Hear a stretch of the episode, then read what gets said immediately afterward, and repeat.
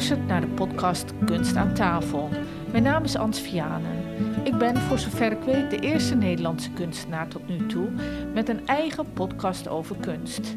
En hierin praten mijn gast en ik onder andere over de plaats van de kunst in onze samenleving. Dit keer luister je naar een bijzondere aflevering, namelijk Special met de Professional. Dit is een extra lange uitzending waarin ik praat met beroepskunstenaars over werkprocessen, inspiratiebronnen, valkuilen en alles wat zomaar interessant kan zijn. Mijn eerste gast in deze categorie is Jeroen Graus, kunstenaar uit Rotterdam. Je luistert nu naar deel 2 van het gesprek waarin we het hebben over de deepfake-technologie, over de Amish, een eigenzinnige Amerikaanse geloofsgemeenschap, hoe die omgaan met gebruik van een mobiele telefoon, de invloed van wetenschap en technologie op de maatschappij en vertelt Jeroen een geheim over stoepkrijt.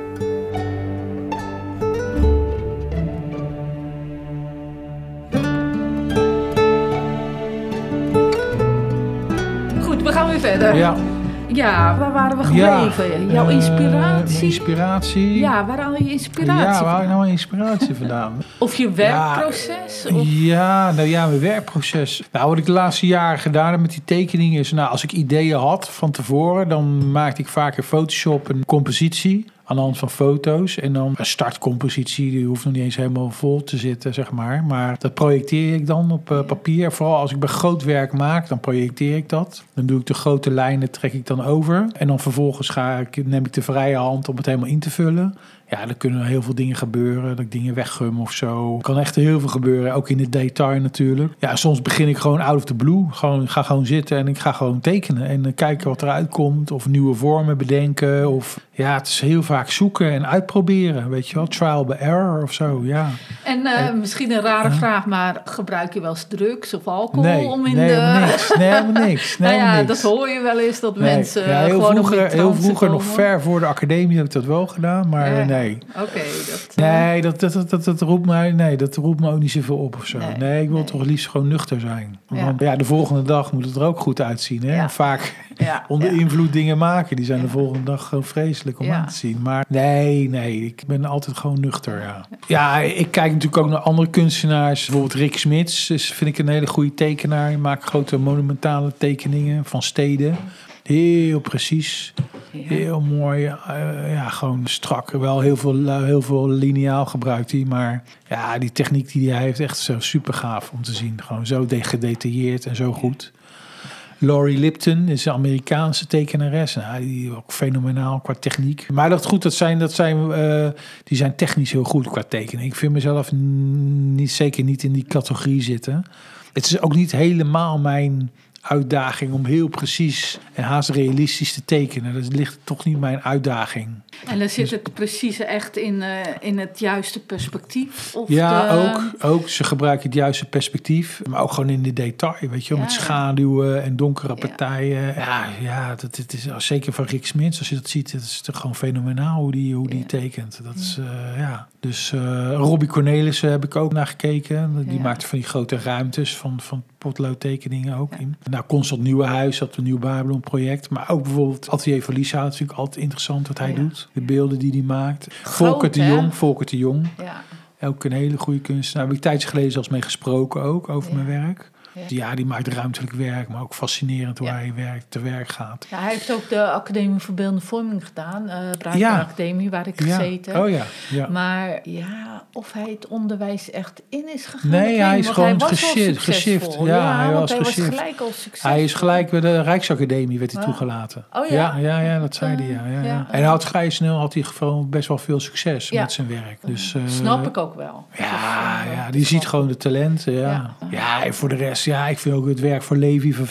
Ja, dat vind ik ook eh, mooi gedaan. Dan Ja, dat is natuurlijk eh, vooral dat beeld met Ja. eh, al die bijen die op zijn gezicht Ja, oh, zijn. dat, ook. ja, die foto's waar die mee is begonnen even is. voor de luisteraar om het wat beeldend te maken. Want als we, we kunnen allemaal namen opnoemen Ja, natuurlijk. klopt, klopt, klopt. Ja. Maar het is ook wel leuk als mensen zich ook een beeld erbij voelen. En nou, ik heb het een paar jaar geleden heb ik het gehad. Heb ik een wespenvolk achter me aangehad. oh, Nou, dat wil je dat niet meemaken. En als je zoiets meemaakt, toch? Ja. En je ziet dan zo'n foto van Levi van Veluwe. Nou, dan ga je toch anders Ja, naar zo'n eh, dan. werk kijken Ja, hoor. ja, dat denk ja, zo. en je snapt ook veel beter hoe zo'n wespenvolkje in elkaar zit. Want de- Ja, ja. het waren echt, de, net als het echte leger, het voetvolk. Wat Ja. eerst de, de, de ja, ja. verkenners... de- Hiërarchie, hiërarchie. ja, ja, Ja, maar je krijgt ja. echt, echt zo'n heel volk achter je aan. Ja, ja, ja, ja, ja, ja. Nou, ik heb bij Levi ook wel... Want hij is natuurlijk begonnen met die foto's inderdaad. Met zichzelf fotograferen. Hè? En toen daarna is hij ook gaan tekenen. En toen daarna is hij ook ruimtelijk werk gaan maken. Met klei doet hij nou dingen. Hij gebruikt ook mechanische draaiende onderdelen in zijn werk. Of die video's, heb je die wel eens gezien? Met, dan is hij helemaal beplakt met allemaal Ja. stukjes hout. ja, In een hele houten Ja, omgeving. Ja, ja, fantastisch. fantastisch. Helemaal zo perfect uitgewerkt. Ja. Maar ik vind bij hem, dat zie ik ook bij Hans op de Beek, heeft het ook dat, dat, dat ze ook elk medium zo goed beheersen. Weet je wel, Eh, ruimtelijk, maar ook eh, met die tekeningen, hoe hij werkt met houtskool. Dat is zo gedetailleerd, zo mooi, zo af, zo zonder rafelrandje of zo erop. Zo dat ik denk van hoe, hoe kan het dat iemand gewoon zoveel talenten heeft op Ja. allerlei gebieden of zo, weet je wel? Zou dat ook niet met focus te maken hebben, met Ja, echt pure, pure concentratie even op dat ene ding? Ja, misschien, ja, misschien wel. Ik, ik weet het niet. Ik weet het niet. Kijk, normaal zie je wel kunstenaars die kunnen oftewel heel goed tekenen of ze hebben ruimtelijk zijn ze goed en dan op andere gebieden niet of zo. Dat is ook prima natuurlijk. Maar bij dat soort jongens, die zijn zo allround. En misschien gebruiken ze wel assistenten ook wel hoor, daarvoor Ja. denk ik. Maar ja, ja, dat, eh, ja, dat... Ik vroeg me ook af, daar hebben we het niet over gehad. Ik pak het er even bij. Dit is een boek Dagelijkse Rituelen. Oh ik. ja. En dan, ken je dat? Nee, ik ken Nou, dat is wel een leuk Ja. boek. Dat is hoe bekende kunstenaars, schrijvers, filmmakers en andere creatieve werken. Oh, En ik vroeg me eigenlijk Ja. af, ik kan een stukje voorlezen van bijvoorbeeld Willem de Koning. Ja. Dat is een Nederlandse kunstenaar die naar Amerika is verhuisd en daar uh, furore heeft gemaakt. Hij is ondertussen overleden. En dat is wel een leuke anekdote. Het verhaal gaat dat zijn werk zo verschrikkelijk duur is geworden dat hij nooit zijn eigen werk meer terug had kunnen kopen. Ah. En dat vind ik eigenlijk ook wel weer grappig. En zijn hele leven heeft de koning moeite gehad om 's ochtends zijn bed uit te komen. Hij stond meestal rond 10, 11 uur op, dronk een paar koppen sterke koffie en schilderde de hele dag door tot in de avond.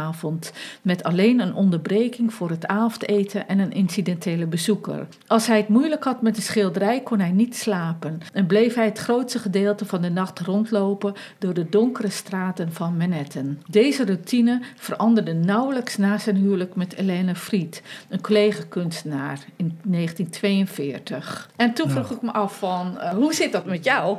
Merk jouw vriendin? ja wat mijn vriendin kun- eh, merkt, wel, eh, merkt wel veel aan mij, ja. Ja, als Ja. het goed gaat of als het niet goed gaat. ja, ik merk natuurlijk wel eh, als ik thuis kom, eh, als ik dan bij haar, we wonen niet samen of zo. Dus, eh, Nee. maar ja, dan ziet ze wel of ik een goede dag heb gehad of een minder goede dag Ja, in atelier. Of ik lekker heb gewerkt of min, minder. Dus toch wel, ja, ze, ze, heeft daar wel, ze heeft wel haar antennes ervoor ontwikkeld, zeg maar. Maar het is op zich prima, hè. Dat, Ja. eh, ze doet er allemaal niet moeilijk over en zo, dus dat is fijn. En eh, ja, ik, ik, ik gebruik haar ook gewoon, ik laat haar ook dingen zien. Kijk, Ja. als ik bijvoorbeeld iets, ik wil, wil, wil wel eens wat tekenen waarvan ik echt wil dat de kijker dat ook ziet. Erin ziet wat ik ermee bedoel. Dus eh, iets realistisch of iets. Ja, En eh, laat ik het aan haar zien. Want als zij het eruit haalt, dan zie ik goed. ja oké. Als zij, Ja. niet, als zij het niet ziet, dan, eh, dan nee, dan is het... Nee, dan moet je het nog even dan moet je doorwerken. veranderen. Ja, Ja, of, of andere dingen. Lauwe beginschetsjes zien. Weet je wel, Ja. nu dat ik wat meer kleur ben gebruiken, wat losser werk. Laat ik dat wel zien en dan eh, zegt zij erover wat ze wel vindt en zo. Dus Ja. ja. ja. ja. En eh, kijk, sinds dat ik natuurlijk met haar ben, al 14 jaar, ja, ze is natuurlijk ook al eh, meegenomen in die kunstgebeuren. Ze gaat mee naar tentoonstellingen, musea en alles. We praten er ook vaak over. Dus ja. En Dus zij zij- is ook kunstenares? Nee, zij is geen kunstenares. Zij Ja. eh, werkt als eh, bedrijfsmaatschappelijk werkster. Dus eh, ja. Ja. Nee, maar ze, ja, inmiddels heeft ze ook wel veel ontdekt in de kunst Ja. of gehoord en gezien. En ik vind het ook fijn dat zij soms denkt, ja, ik moet een kunstenaar hebben, want die, die snapt het allemaal. Of die, maar dat, soms is het ook goed om gewoon blanco of blanco niet. Ja, Nee, maar iemand van die I- van de andere kant... andere, eh, van de andere kant dingen bekijkt. Ja, Want ja. anders kan het ook allemaal zo ergens ingewikkeld worden. Of eh, ja, ik weet niet. Ja. Nou ja, we hebben het net natuurlijk ook eventjes gehad tijdens de lunch over onze families. En jij komt net als ik uit een familie die eigenlijk niks met kunst heeft. En dan is het toch best wel bijzonder als je Ja. uiteindelijk toch de kunst ingaat en Ja. professioneel kunstenaar wordt. Ja. Hoe is dat bij jou nu? Ben je volledig geaccepteerd? Snappen je familie wat je doet? Nee, ik Eh, snap er allemaal geen fluit van. Oké, en hoe, hoe, hoe, wordt Nee. daarmee, hoe gaan ze daarmee om? Hoe ga jij daarmee om? Dat- Nee, ze snappen het wel. Ja, we hadden wel Ja. kunst. Op vakanties gingen we wel eens naar tentoonstellingen. Dat kan me nog herinneren. Oh, dat, nou wij Of- niet. Ja, wel eens. eh, Of Ja. naar theaterdingen of zo. Op de camping en dat soort dingen. Maar we gingen niet naar Boymans of zo in Rotterdam of zo. Nee. Of iets. Of, dat kan me niet zo goed herinneren. Dat, dat, volgens mij niet. Dus ik heb dat wel zelf een beetje moeten ontdekken allemaal. Maar mijn vader die was natuurlijk die, eh, ja, die was docent op de vakschool in Schoonhoven. Die was gouden zilversmid en daar gaf daar les. Dus hij had wel getekend vroeger voor zijn studie en zo. Dus hij was wel heel precies. Hij kon heel Gedetailleerd tekenen. Ja, ik denk dat ik, eh, nou dat kan ik zelf, ja, kan ik dat ook wel een beetje. Maar misschien dat ik het van hem heb, dat, dat creatieve wel, denk ik. Alleen, ja, ik ben veel eh, associatiever, zeg maar. Veel meer dat ik zelf dingen bedenk. Mijn Ja. verbeeldingsvermogen is veel groter dan bijvoorbeeld bij mijn vader, denk ik. Dat. Ja, dus van huis uit, eh, ja, dat. Ja, mijn zus is ook een maatschappelijk werkster. Of werker, zeg je nou eigenlijk. hè. Ja, die heeft, die, die heeft voor de rest niet zoveel met kunst. Ja, tenminste, ze vinden mijn werk interessant. En ze hebben wel eens wat van me gekocht. Maar ze, ben niet, ze is niet actief bezig met kunst. Dus ja, ik, ik, weet, ik denk dat het gewoon in je DNA zit. Ja, zit gewoon in je, in je zijn of zo. Ja, ik heb ook wel eens afgevraagd van als ik geen kunstenaar was geworden, geen creatief vak, wat had ik dan gedaan? Weet je wel?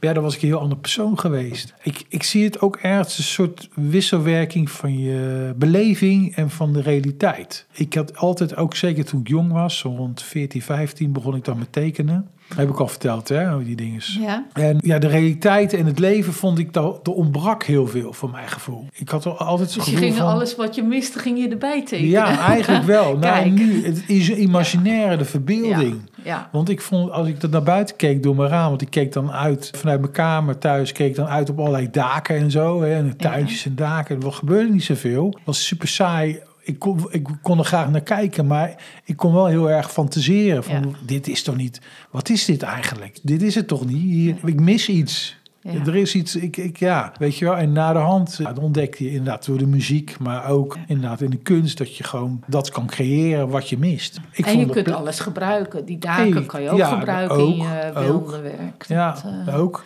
Maar ik denk als ik dat niet had gehad, dat ik als ik meer geconformeerd zou zijn aan het dagelijks leven zoals het is, dan was ik misschien geen kunstenaar geworden. Dan miste ik misschien niks. Dan had ik misschien gezegd, nou ik wil gewoon, weet ik veel wat, eh, docent worden of eh, arts of zo, of weet ik het wat. Een of ander beroep Ja. waarin je niet met je verbeelding werkt.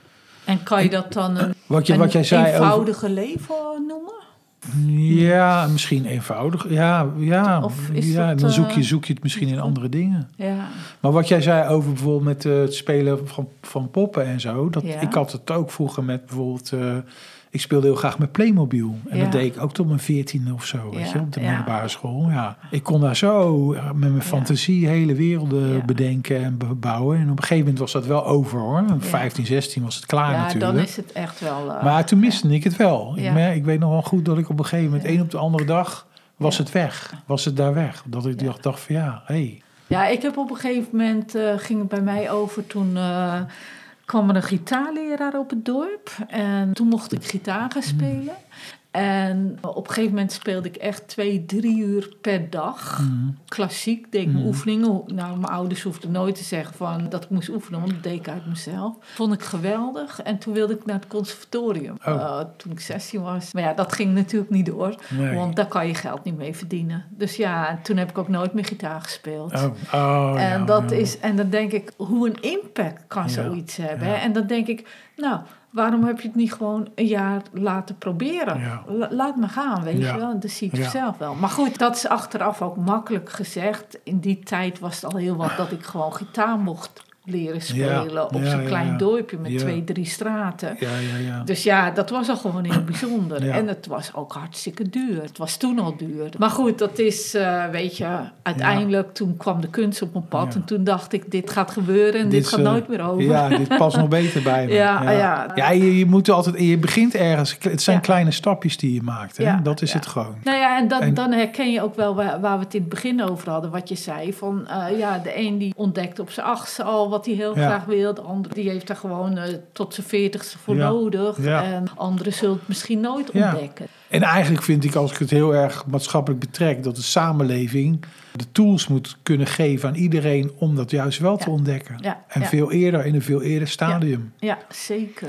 Dat, zeker. want dat mensen die niet op een plek zitten in de samenleving, ja, dat is niet vruchtbaar. Hoe beter de studenten op een goede opleiding komen die echt past bij wie ze zijn en wat ze willen, hoe, hoe vruchtbaarder dat is voor een gelukkige samenleving. En het kan, hè? Het kan ook. Het kan, Het kan. in deze tijd en de komende tijd. Nou ja, ik heb bijvoorbeeld nooit wat begrepen van cijfers die je moet halen op school. Weet je, Ja. het is een manier van toetsen. Ik snap het natuurlijk wel. Ze moeten ergens eh, kunnen kijken hoe ver je staat. Maar het is ook wel zo, de ene mens is eerder aan iets toe dan de ander. Ja. Dus dan kan je niet zeggen van joh, ik ben daar nu nog niet aan toe in mijn ontwikkeling, dus je krijgt er vijf. Nee. Want ja. dat, dat werkt Ja. niet mee om naar de tien te gaan, zeg maar. En, en dat vind ik echt het, het foute van het systeem. Want het is een systeem waar we in zitten. En die regels hebben we zelf gemaakt. Terwijl Klopt, ik denk van als je continu kijkt naar waar iemands krachten liggen, wat goed gaat. En je gaat dan inderdaad in kleine stapjes verder. Mhm. Mhm. Ja, dan is er niks. Ja. eh, En dan laat je iedereen in Ja. zijn waarde. Ja. En dan heb je veel minder mensen die ehm, onzeker zijn, bijvoorbeeld. Of, of die veel meer durven. Of, eh, of inderdaad veel meer out of the box gaan denken. Dat- Ja. ja, het conformeren aan de norm is dat natuurlijk ook. Hè? ja, ja. Maar kijk, dat is, dat is dus in het onderwijs zeker. Omdat ik natuurlijk zelf ook les geef en eh, voorheen ook op middelbare scholen dingen heb gedaan. Maar dan merk je gewoon, ja, dat is toch een soort eh, one size fits all eh, mentaliteit. Hè? Je hebt een klas van 30 leerlingen. Ja. En bedoel, de, de, degene waar het niet lukt of die achterlopen, die worden, die worden vergeleken met de mensen die voorop lopen en die het wel kunnen. En, en, en dan hè, in het licht van iemand die het wel goed kan en jij kan het niet, ben jij een slechte leerling. Maar dat, dat zegt helemaal niks over, over je eigen capaciteiten. Want het is een bepaalde toetssteen op dat moment. Terwijl ja. je kwaliteiten op een ander terrein misschien vele, vele malen hoger zijn. Maar die worden niet aangeboden op een school. Of je bent er gewoon Of je bent er niet aan toe, toe. wat jij zegt. Ja, eh, klopt. Ja, ja. dat- Ik heb trouwens wel andere inspiratie. Daar wil ik nog wel wat over vertellen over een boek. Want je had natuurlijk dat boek. Een boek van Kevin Kelly. Dat is een Amerikaanse wetenschapper, schrijver. Die was ooit de redacteur van een blad. Het heet Wired. In Amerika gaat over technologie. En die heeft een boek geschreven. De Wil van Technologie. Ja, dat boek gaat over zijn, over zijn leven. Ook over de stappen die hij heeft ondernomen in het leven. Hij is bijvoorbeeld een tijdje op reis geweest in India en dat soort landen. En op een gegeven moment gaan werken voor een technologiebedrijf. En hij heeft eh, meditaties gedaan. Hij heeft een tijdje bij de Amish gezeten, die religieuze gemeenschap. ja. En hij heeft dus een boek geschreven over, ja, wat is nou technologie? Wat wil dat van ons? Wat zit daar nou een bepaalde evolutionaire eh, stappen in? Nou, dat, dat is natuurlijk zo. Hè? En hij had het op een gegeven moment had hij drie onderdelen van een soort visie of theorie, waarvan hij zei dat dat heel erg aansloot bij de realiteit. En hij zei van technologie is een vorm van adaptatie, dus past zich aan aan de situatie. Hè, het ontwikkelen, hè, door het gebruik van telefoons ontwikkel je eh, mee aan de technologie als het ware. Maar hij zei het lijkt allemaal toevallig wat er gebeurt, maar eigenlijk is het onvermijdelijk. Dus hij gaf aan dat het, het, de evolutionaire kern die is er. En het lijkt alsof het ons allemaal overkomt. Van hé, hey, dat is nieuw. Hé, hey, oh, we kunnen nu ineens met een iPhone. Oh, dat. Maar eigenlijk is al die uitvindingen ervoor... is het eigenlijk onvermijdelijk dat het er komt. Dus Ja. het had er moeten zijn. En dat is natuurlijk met techniek continu een proces van ontwikkeling... en in de wetenschap ook. En dat vond ik heel erg interessant. Ik dacht van ja, dat, daar, zit wel, daar zit wel iets in. Als je het heel, heel kort en krachtig zou kunnen zeggen. Dan, eh, ja. En dat boek is sowieso heel erg interessant voor de rest. Heel verhaal. Leest ook lekker weg. Hij had het dan ook over de Amish. Dat er dan zeg maar bijvoorbeeld dat ze daar bijvoorbeeld. eh, Nou, ze gebruiken nog helemaal geen technologie. Maar op een gegeven moment was het dus wel zo dat die smartphones kwamen op. In ieder geval de mobiele telefoons. En ja, wat moeten ze daar dan mee? Dus op een gegeven moment hadden ze dan als groep gezegd van nou weet je, we kopen zo'n telefoon. En dan gaan ze, als ze dan een groep gemaakt binnen de gemeenschap. En die ging dan die telefoon helemaal analyseren. Wat kunnen we ermee? Wat kan dat ding? En waar kunnen we hem voor gebruiken? En wat, is, wat voegt het toe aan ons leven? En nou, door te prutsen met dat ding en uit te proberen, kwamen ze dus een bepaalde punten aan. Van oké, we kunnen het hier en daar en daar voor gebruiken. Prima, we houden hem Ja. en we zetten hem in voor die doelen. En Ja. alleen voor die doelen. Oké. Dus, weet je, dus ze, kregen nieuwe technologie. Die gingen ze eerst helemaal analyseren. En dan alleen maar gebruiken op de dingen waar het ja, een kwaliteit naar voren brengt. Of een hulpmiddel kan zijn. En de rest laat ze gewoon voor wat het is. Ja. Dus dat, dat vond ik wel hele eh, interessante eh, idee. Dat je, ja, dat je echt gaat kijken van wat is constructief en wat is bullshit of zo. Ja, Weet ja. je wel? En dat is denk ik, kijk, ja, in Ja. onze wereld proberen we alles uit. Ja. Weet je, elk jaar, elk half jaar weer een nieuwe app die helemaal geweldig is. Weet je, kijk naar TikTok of WhatsApp en dat soort dingen allemaal. En dan een jaar later is dit, weet je, het continu is in ontwikkeling. Maar we bouwen er ook allemaal aan mee. Ja. En dat vind ik het interessant. Het bindt ook, want door mijn gebruik, door jouw gebruik, iedereen's gebruik, bouwen we eigenlijk mee aan de toekomst van bijvoorbeeld een Facebook of een. Instagram. Want Ja. wij gebruiken die tools. Ja. Zij bedenken dingen, wij gebruiken het. Hoe meer we het gebruiken, hoe populairder het wordt. Hoe meer, hoe andere veranderingen eraan komen. Dus Maar dat- zie je ook niet de gevaren ervan in? ja, van dus ik het, eh, gevaren in natuurlijk. Want ik, bev- waar ik me eh, een beetje zorgen over maak, is dat we zo bezig zijn met de middelmatige mens te maken. En Ja. eh, bijvoorbeeld door, eh, door onze zoekopdrachten via Google is fantastisch. Ik vind Ja. het echt geweldig. Maar wat krijg je terug van Google? Allemaal vergelijkbare zaken waar je naar gezocht Ja. hebt. En als je het dan hebt over out of the box denken, er gaat niet iets. Stel je hebt alleen maar gezocht op kikkers, ik noem maar iets geks. Dan krijg je geen informatie over een leeuw, Ja, zeg maar. Mm, En dan wordt je gezichtsveld ook bekrompen. ja, ja. En dat vind ik, en dat is ook bij een Bolkom en bij al die grote jongens, dat vind ik echt wel een gevaar van deze tijd. Mm. En hoe, hoe kan je daarmee omgaan? Hoe kan je. Nou ja, je ziet het natuurlijk inderdaad met die bubbel, waar dan inderdaad bijvoorbeeld in de coronatijd, weet je, allerlei theorieën die online rondcirkelen over de corona, dat het allemaal niet bestaat en weet ik wel allemaal. Weet je, iedereen vormt natuurlijk zijn eigen mening aan de hand van de nieuwsberichten die lezen. Dus iedereen Ja. heeft zijn eigen koker, digitale dwangbuis zou ik het haast willen zeggen. Eigenlijk wel, ja. Ja, hoe kan je dat voorkomen? Is omdat, denk ik, bij jezelf te raden gaan van... hé, hey, ik geloof die dingen die ik lees, maar is dat alles? Wees secuurder, genuanceerder. Lees niet alleen dingen op Facebook, maar kijk ook bij nos.nl of wat dan over. Of kijk naar het journaal. Dat je niet... En dat is iets wat je wel kan leren, denk ik, als consument. Is dat je ja, bedacht op bent dat de informatie die je hebt... dat dat niet altijd afdoende is. Ja. Kijk, ik realiseer, ik weet sommige dingen, weet ik wel wat van... Ja. Maar ik weet dat ik ook heel veel dingen niet weet. Het komt dat je gewoon realiseert van ja, ik kan ook niet alles weten. Nee. En, en wie ben ik om over dingen een mening te hebben waar ik eigenlijk helemaal niks van weet? Weet je wel? En ik denk dat je dat in de gaten moet houden. Op het moment dat zo'n viroloog dingen beweert en noem maar op. En hij werkt voor een gerenommeerd bedrijf. Of, ja, ik weet niks van, van virussen af. Dus ik, ik, ik realiseer me dat ik kennis niet heb. Dus ik vertrouw op de kennis die iemand Ja. wel heeft. Als je dat niet meer gaat doen, ja, dan ga je alleen maar vertrouwen op mijn idee van hoe het zit. Ja. Weet je wel? Aan de hand van eh, bronnen die toevallig via Facebook naar boven, boven komen of zo. Dus ik denk dat de alert, het, het weten dat je dingen niet weet, dat dat Ja. van belang is om, om breder te, te zijn. Ja, Nou ja, Sinai, onvermogen. Nou ja, ik ben Ja. echt wel blij dat er eh, zoveel deskundigen rondlopen die gewoon echt veel meer weten Ja, dan eh, wat ik weet. daarom. Maar eh, aan de andere kant is het ook zo.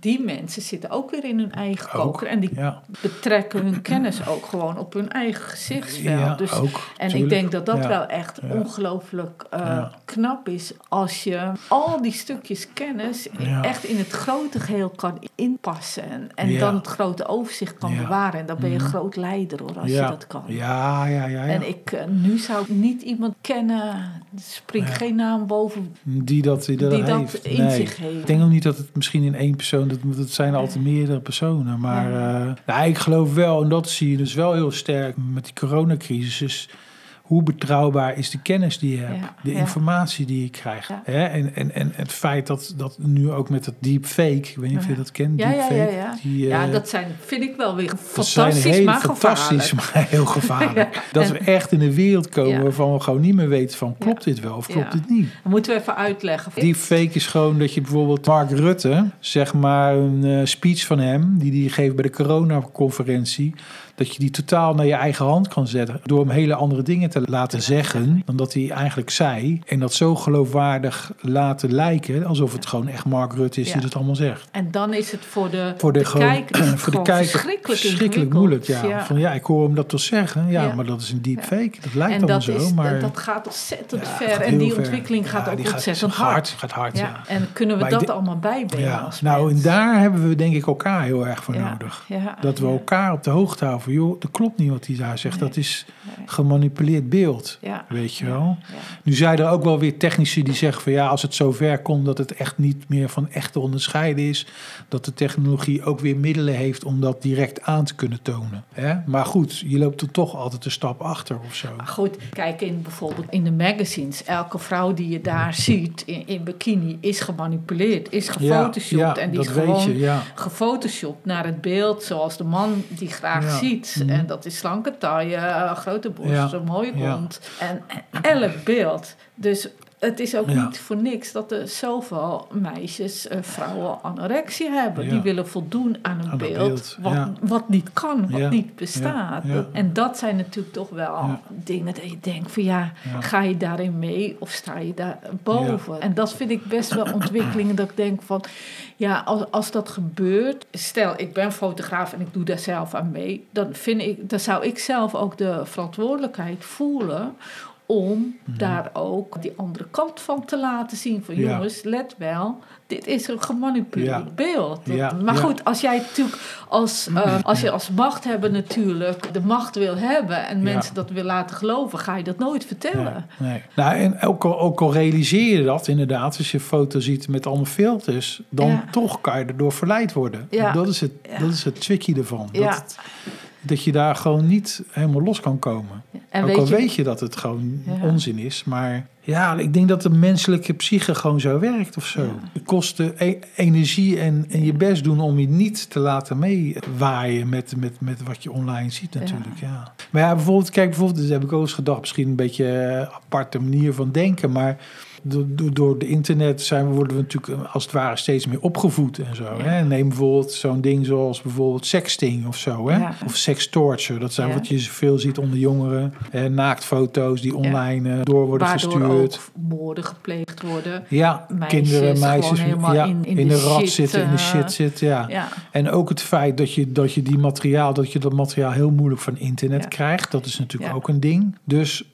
het bestrijden om het van het internet af te halen, denk ik dat dat is misschien in bepaalde gevallen wel haalbaar, maar heel veel gevallen helemaal niet. Dus je kan ook je eigen misschien voorstellen dat je misschien over 10, 20 jaar een situatie hebt waardoor het niet zo vreemd is dat er een naaktfoto van jou ergens op het Ja. internet ronddwaalt. Dus en dat, dat je het dan weer dat je, dat je, wordt. juist, dat je dat de moraal verandert. Het is niet leuk, Ja. maar het is niet erg, want je bent niet de enige. Dat het klinkt heel raar wat ik zeg, maar dat het geaccepteerd is. Dat je je niet voor hoeft te schamen. En dat is namelijk iets wat wij zelf kunnen doen als mens. En daar, dat staat los van die technologie, want ja, het is onhoudbaar om alles weg te halen. Maar dat is wel is- grappig, want ik heb het idee dat de mensen, zeker als je het vergelijkt met de 60 jaren, steeds preutser worden. Ja, En ik denk dan eerder dat er, al, dat er een nieuw beroep komt van internetschoonmaker. ja, Of, ja, ja. eh, internet detective. Ja, internetdetective. Ja. Maar weet je, het fijne vind ik wel, en dat vind ik echt fijn. Ik vind het geweldig, ook de digitale revolutie waar we in zitten, dat we zo makkelijk kennis kunnen vergaren. Dat we zoveel kunnen leren door internet en van internet. Maar het allerfijnste nog vind ik gewoon een eh, potloodje en een stukje papier. Ja, ja, ja, ja. En gewoon lekker tekenen. Vind jij niet? Ja, ja, ja, ja, ja, absoluut. Nou, het is allebei. Het is allebei. Het sluit elkaar niet uit, denk ik. Nee. Het is juist allebei zo leuk. Nou, dat is denk ik ook wat die technologische revolutie ook met zich meebrengt. Is dat de, de, de kunst zelf is toch een beetje slow. Is eh, traag. Is realiteit. Hè? Het is Ja. niet online, maar je ziet het op de muur hangen. De waardering misschien zelfs groter wordt doordat we in een hele andere wereld leven. Waar alles maar snel moet gaan en Ja. aanpassen en bla bla bla. En alle Ja. functionaliteit. Dan een schilderij of een tekening Ja. juist veel meer waarde krijgt. Omdat het he- een hele andere wereld eh, definieert. Als daar waar we zelf in leven. Nou ja, ik, ik denk ook nog aan een ander ding. Zelf ben ik nu heel veel tekeningen aan het maken met uh, Oost-Indische inkt en zo'n Ah, kroontjespen. Gewoon zo lekker zen. Echt la- nog langzamer dan langzaam. En eh, dat vind ik echt lekker. Maar dan denk ik ook wel eens, ja, het maakt niet uit als nu gewoon de elektriciteit wegvalt en helemaal wegvalt Ja, dan ben ik er nog. Met Ja. mijn kroontjespen Ja. en mijn inkt. En, en dat, dat vind ik zo'n lekker idee. En. Dat, ja, dat geeft me gewoon echt een ultiem gevoel van rijkdom. En dan denk ik van, ja, je hoeft je nooit te vervelen. Je kan overal naartoe in je gedachten met je, je ja. uitingsvormen. Ja. Ja. En dat is, vind ik echt wel een meerwaarde ja. Van de, voor het leven Ja, eigenlijk. je bent er niet afhankelijk van, eh, Nee. van het vertier eh, van internet of Nee. zo. Heb jij dat niet? Of Jawel, jawel, jawel, jawel. Ja, ja, ja. Nee, zeker. Ik vind het ook fijn om gewoon juist vanuit die jachtige wereld waar heel veel wordt beïnvloed, juist ja, tot de focus kan komen, tot een stuk papier. En dat je dan gewoon ja, op kan gaan in het, in het tekenen zelf, het creëren zelf. Weet je, internet is toch heel veel consumeren, Ja. informatie. En soms bereik je gewoon een maximum in je hoofd. Tijdrovend ook. Tijdrovend, om alles bij te houden. Je moet het ook allemaal bijhouden. Mis je niks, weet je wel. En het is de verbeelding, weet je, de creativiteit. Kijk, ik kijk bijvoorbeeld naar mijn computer eh, of naar mijn iPad. Ja, dat is voor 30% vertier of zo. Maar 60, 70% is het productief voor mij. Weet je wel, de programma's die ik gebruik voor video-editing en alles en zo. Photoshop, ja. Het is voor mij een stuk gereedschap eigenlijk. Ja, maar ik merk toch ook wel, als je lang naar zo'n beeldscherm tuurt, dan gebeurt er wel iets met je ogen. Ja, ja. En als je daarna weer gewoon gaat Mm. kijken, bij mij is het nu wel zo dat ik dan echt een soort eerst mijn ogen moet ontspannen en dan weer gewoon moet kijken. Ja, ja dat, je, dat, je, dat je moet anders moet focussen Ja, met je ogen. Ja, ja, dat, zou dat, kunnen. eh, Ja, ja, ja. Ik denk dat de toekomst juist, de technologie en de wetenschap ons juist naar een eh, samenleving of een wereld brengt waar we naartoe moeten, denk ik. We hebben gewoon een bepaalde richting, alleen we moeten er allemaal bewust van worden of zo op Ja. een of andere manier. Het, ho- het hoort bij de mens, net Ja. zoals eh, mensen bij elkaar horen. De eerste steen die de Neandertalen of de Cro-Magnon mensen Ja. oppakten van een rots om een, eh, om een dier te verjagen. Ja, op het moment dat die steen in je hand komt, wordt het een stuk gereedschap. Zonder die hand is een stuk steen gewoon een stuk steen. Ja, Dus met andere woorden, wij zitten gewoon vergroeid. Met technologie, met gereedschap. Dat is een deel van ons. ja.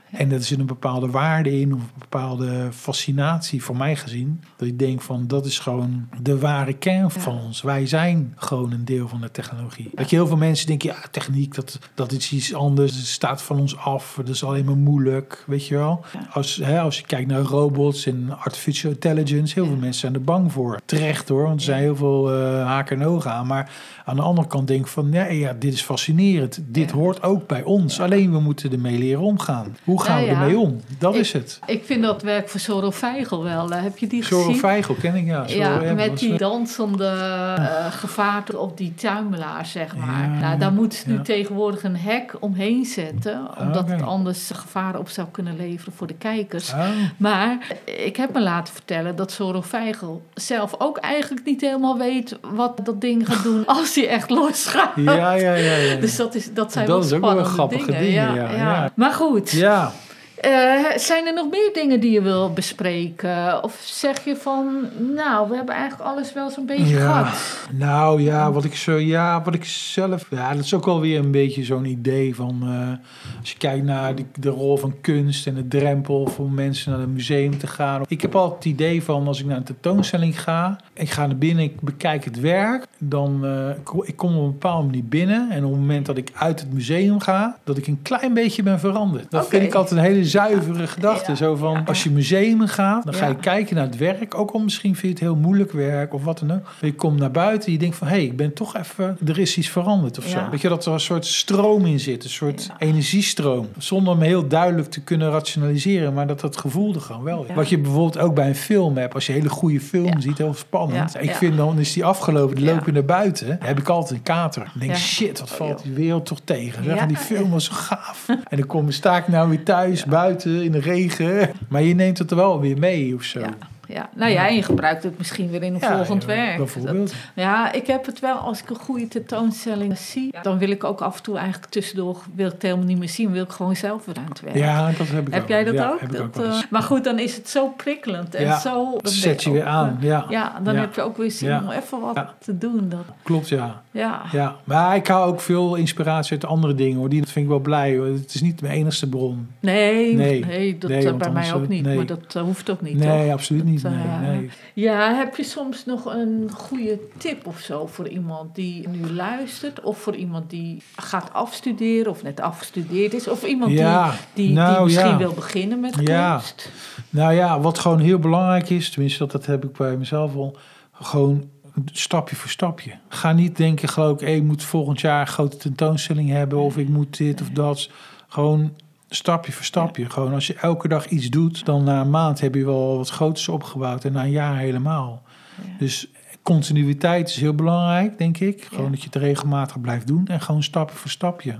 En eh, ja, zeker voor kunstenaars die nog misschien net afgestudeerd zijn. eh, Ja, laat je gewoon niet gek maken, weet je, door allerlei andere kunstenaars die wel dingen kunnen doen, om mogelijkheden krijgen die jij zelf niet krijgt. Focus je daarin gewoon op jezelf. Een beetje oogkleppen op hebben is ook goed. En zoek wel inspiratie en kennis bij mensen die jou verder kunnen helpen. Maar laat je niet gek maken. Wat ik heel vaak nu niet meer doe, is als ik naar een pagina ga van een kunstenaar, dan ga ik meestal niet naar de pagina waar zijn cv op staat. Of tentoonstellingen cv of zoiets. Dan sla ik eigenlijk eh, heel snel over. Want dan, ja, dan zie je bij sommigen zo'n lijst van Ja. dingen staan. Dan, dan, ja, dan, dan ga je dat toch onbewust eh, Ja, koppelen joh, aan ben je daar gevoelig voor? ik ben daar gevoelig voor, ja. ja, dat kan. Ja, ik heb dat niet zo. Ja, vooral bij mensen waarvan ik denk van, nou ja, het is wel interessant wat je doet, maar goed. Maar dat doe, ik kijk gewoon niet meer. Ik laat, ik laat het gewoon los. Het brengt ook alleen maar negatieve emotie of energie Ja. naar voren. Ja, Maar ja, het is goed wat je met, met, met Facebook of met Instagram ook hebt. Meisjes die dan uh, gefotoshopte model kijken. Je moet ook denken van, nou ja,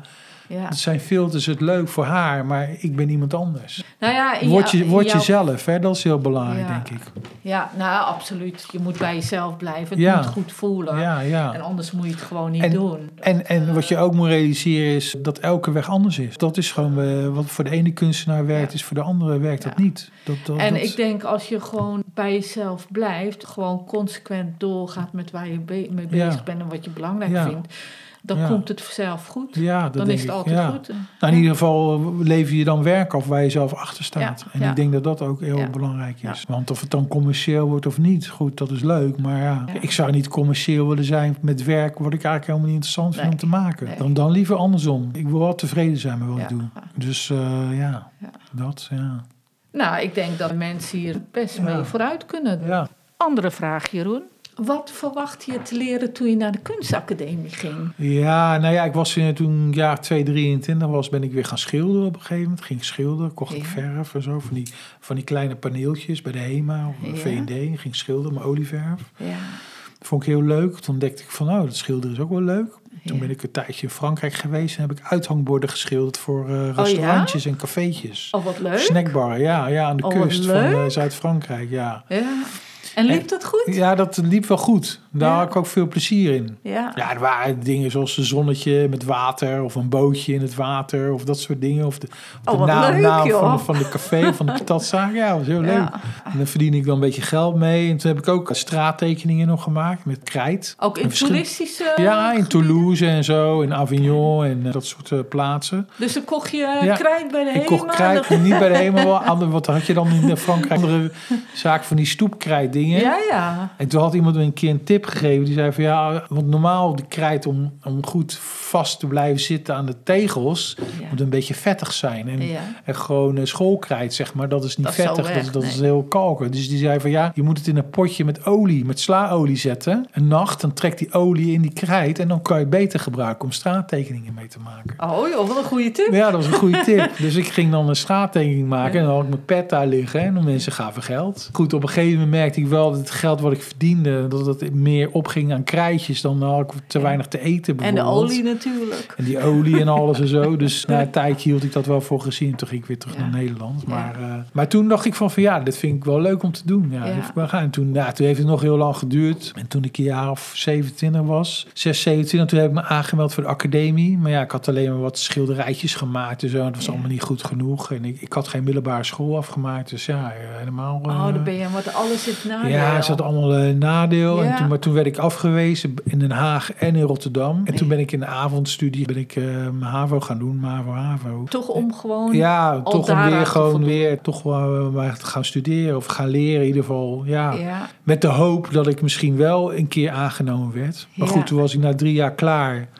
En toen heb ik me weer aangemeld in de- Den Haag en toen werd ik wel aangenomen. En daarvoor, ja, ik had wel, ja, ja, kijk, Salvador Dali, dat was toen wel de kunstenaar die ik heel goed vond. Ik weet nog wel dat ik, ik denk dat ik jaar of 22 was. Toen was ik een keer bij een tentoonstelling in de Boymans in Rotterdam van Ja. Salvador Dali. En toen was Boymans nog, zag het nog oud uit, of tenminste nog voor de verbouwing, ver, Ja. begin jaren 90.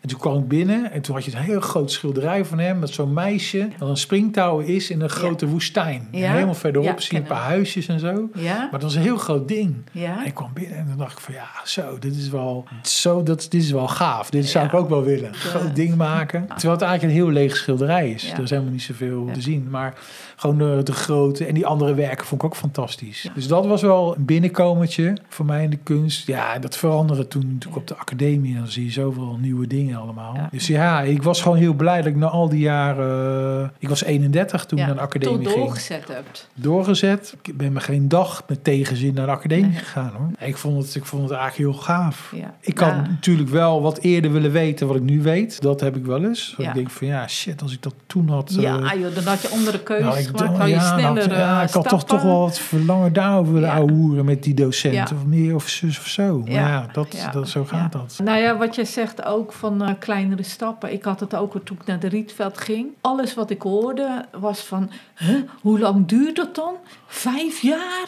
Ik zei, joh, maar zo moet je heel niet denken. Nee, ik nee. bekijk het per jaar en Ja. ik ga er een fantastische tijd hebben. En Ja. een jaar is zo om. Ja, ja, En, en, en zo is het met alles. Als je in kleine stapjes denkt, dan is het geen issue eigenlijk. Nee, dat realiseerde ik me ook achteraf pas. Dat ehm, ik zat op de academie en ik werkte bijvoorbeeld in de horeca. Ja. In het weekend, in een restaurant. En eh, ja, en dan vroegen ze wel eens van... Dan zei ik, ja, kunstacademie. Oh, Oké, maar dan, eh, wat ga je dan daarna doen dan? eh, met de, kun- na de kunstacademie? En dan zei ik van, ja, dat zie ik dan wel weer, weet je wel. Maar ja, ik was natuurlijk al boven de 30, dus het is eigenlijk best wel typisch. Maar achteraf realiseerde ik me van, ja, als ik daar te lang over had nagedacht... van, oh ja, wat nou na de academie, kan ik dan wel werk vinden? Hoe zit dat dan? Oh, dat is wel moeilijk. En dan dit kom ik dan tegen. Als ik dat al tijdens de academie al gehad, die gedachtes... dan was ik er misschien niet eens aan begonnen. Het is geen motivatie Nee. om dan verder te gaan. Dus soms is dat gewoon goed om dat even te parkeren. Ja. Van, wat kan ik ermee? Want je volgt toch je passie of je fascinatie Ja. of whatever. Ja, Weet je wel? eh, En, en ja, Ja. ik weet nog wel dat ze in het begin wel eens zeiden dat... zeiden docenten zo van, nou, eh, de kunstacademie, daar gaat heel veel veranderen. En de mensen die nou getrouwd zijn, die zijn aan het eind van de academie zijn ze Ja. allemaal gescheiden. Want Ja. dan willen ze kunstenaar worden. en dan zien Ja. ze het licht. En dan, Ja. dat huwelijk hoeft niet meer. Die kinderen worden Ja. niet meer. Maar dat, Dat is hoorde ik echt. Ja, maar het gebeurde ook. Het gebeurt ook. Er waren ja. ook wel heel veel scheidingen, maar dat Ja. snap ik ook wel. Want het is natuurlijk voor een partner ontzettend moeilijk om mee te gaan in die ontwikkeling die je doormaakt als kunstenaar. Ja, En om dat bij te benen, dat is bijna niet te doen. nee. Dus Als- ik snap als het partner. wel. Als Ja, ja, partner ja, is dat ja, ja. bijna niet te doen. Dus nee, ik nee. snap het wel. Ja, maar ja, dan vraag ik me af, is dat dan bij andere studies ook zo? Hè? Als je bijvoorbeeld psychiater wordt, ga je dan ook door zo'n... Ja, dan ben je psyche bezig en dan ben je ook met nou, jezelf Het bezig. zou me niks verbazen, maar daar, Ja. dat weet ik niet. Ja, misschien dat het bij elk beroep zo is. Ja, ja. Als je e- econoom wil worden of zo. Ja, ja maar Ja. ja. dat zijn natuurlijk toch weer de rationele Ja, rationele dingen, Dat, eh, en, en Ja. die kan je gewoon van je Ja, afzetten. Dat, emotie. Nee, ja, kijk, eh, ja, ik denk ook altijd gewoon van ja, kijk, het zijn allemaal van die eh, wishful thinking dingen, weet je wel. Ja. Dat je denkt van ja, ja, ik denk altijd van, stel dat ik veel geld zou gaan verdienen, ja, dan, ja, ik zou misschien wel een nieuw huis kopen of een mooie auto of zo. Ja. Maar ik zou toch voor een groot deel investeren in de kunst of zo, hoor. ja. Of in andere dingen. Nou, dingen ik- bouwen, dingen maken. Ik ben eerder soms va- vaker dan jaloers op dat wat, wat kunstenaars kunnen doen met geld of met de ruimte, weet je wel. Ja. Dan, dan, dan de materiële waarde het zelf of zo. ja. Maar nee, ik zou Want gewoon rustig doorgaan. Nee, maar je kan wel Ja. grotere dingen doen, grotere ja, projecten dat doen. wel. Ja, ja. Want je hebt geld, je kan investeren ja, in je dingen. kan makkelijker in eh, ook materialen. dingen voor elkaar maken. Juist, ja, absoluut. Dat en is dat, waar. dat, is, dat is wel. Dat is wel dat en is ook wel, eh, vervoeren, want ik ben natuurlijk bezig met vervoeren. dat beeld voor het Feest van de Geest in Bodegraven. Nou, dat Ja. moet eigenlijk wel een groot beeld worden. ja. Maar ik moet het ook vervoeren. Dus ja, weet je, dan zit je ook en denken, nou, zal ik hem toch maar niet kleiner maken. Maar ja, dan ga je alweer concessies doen. Ja. moet ik niet doen. Nee. Want hij moet zo worden zoals ik hem ja, voor nou ogen ja, had. ja, En, en, dan dat vervoer, dat is probleem twee. Dat komt wel weer goed. ja, ja. En, maar dat zijn wel, als je natuurlijk genoeg geld hebt, is dat helemaal geen issue. Dat, maar goed, ach, ja, ja. dat vind, dat vind ik niet de, de meest eh, ingewikkelde dingen eigenlijk. Dat, Nee. eh, ja, soms is het ook met weinig middelen Ja. het maximale uithalen is ook wel, Ja. is ook wel En het lukt, het lukt altijd. lukt, Het, ja, eh, ja, ja. Ook al heb je die, die mogelijkheden allemaal niet, dat je toch het, werk maakt met de middelen die je wel hebt. Ja, dat daarom. is ook heel belangrijk. En dan is het nog een grotere krachtsinspanning geweest. Maar het levert er ook weer meer op, want het is je wel gelukt. ja, Ja, Ja. wat denk je ervan, Jeroen? ja, nou, het was eh, interessant. Ik weet niet of ik deze uitzending in twee afleveringen ga Ja. maken of... eh, Drie. Eh, of misschien wel drie, dat weet ik niet. Dat, eh, maar goed, ik ga gewoon Ja, kijken. gewoon en kijken. eh, in ieder geval wil ik je Ja. hartstikke bedanken Ja. voor je tijd en voor Ja. al je wijze gezegdes, uitspraken en Ja. opmerkingen. Ja, ja, ja. En nou, ik ben hartstikke benieuwd naar, naar wat je nog meer allemaal gaat maken. En naar je eerstvolgende expositie, Ja. want daar kom ik natuurlijk Ja, wel tuurlijk. kijken. Ja, zeker, zeker. En ik Ja. wil je veel succes wensen voor de toekomst. En met je dankjewel. podcast, want je gaat ook een Ja, podcast ga ik, beginnen. gaan wij ook doen. Ja, ja, Ja, dat ga ik leuk. dan met mijn vriendin en eh, haar zoon doen. Dat gaat over hele andere onderwerpen ook hoor. Ja. Kiezen we elke week een onderwerp. Tijd voor 65, zo heet die podcast. Tijd Oh, voor, Tijd voor 65 staat voor het adres. Oké. We dat- wonen op nummer 65. Ja, ja, oké. dus eh, Dat, tijd voor 65. Nou, mooi. Ik ga Ja, je goed. volgen. Oké. Oké, nou dankjewel. Ja, graag gedaan en eh, we zien elkaar. Ja. Hoi. Hoi. Hoi.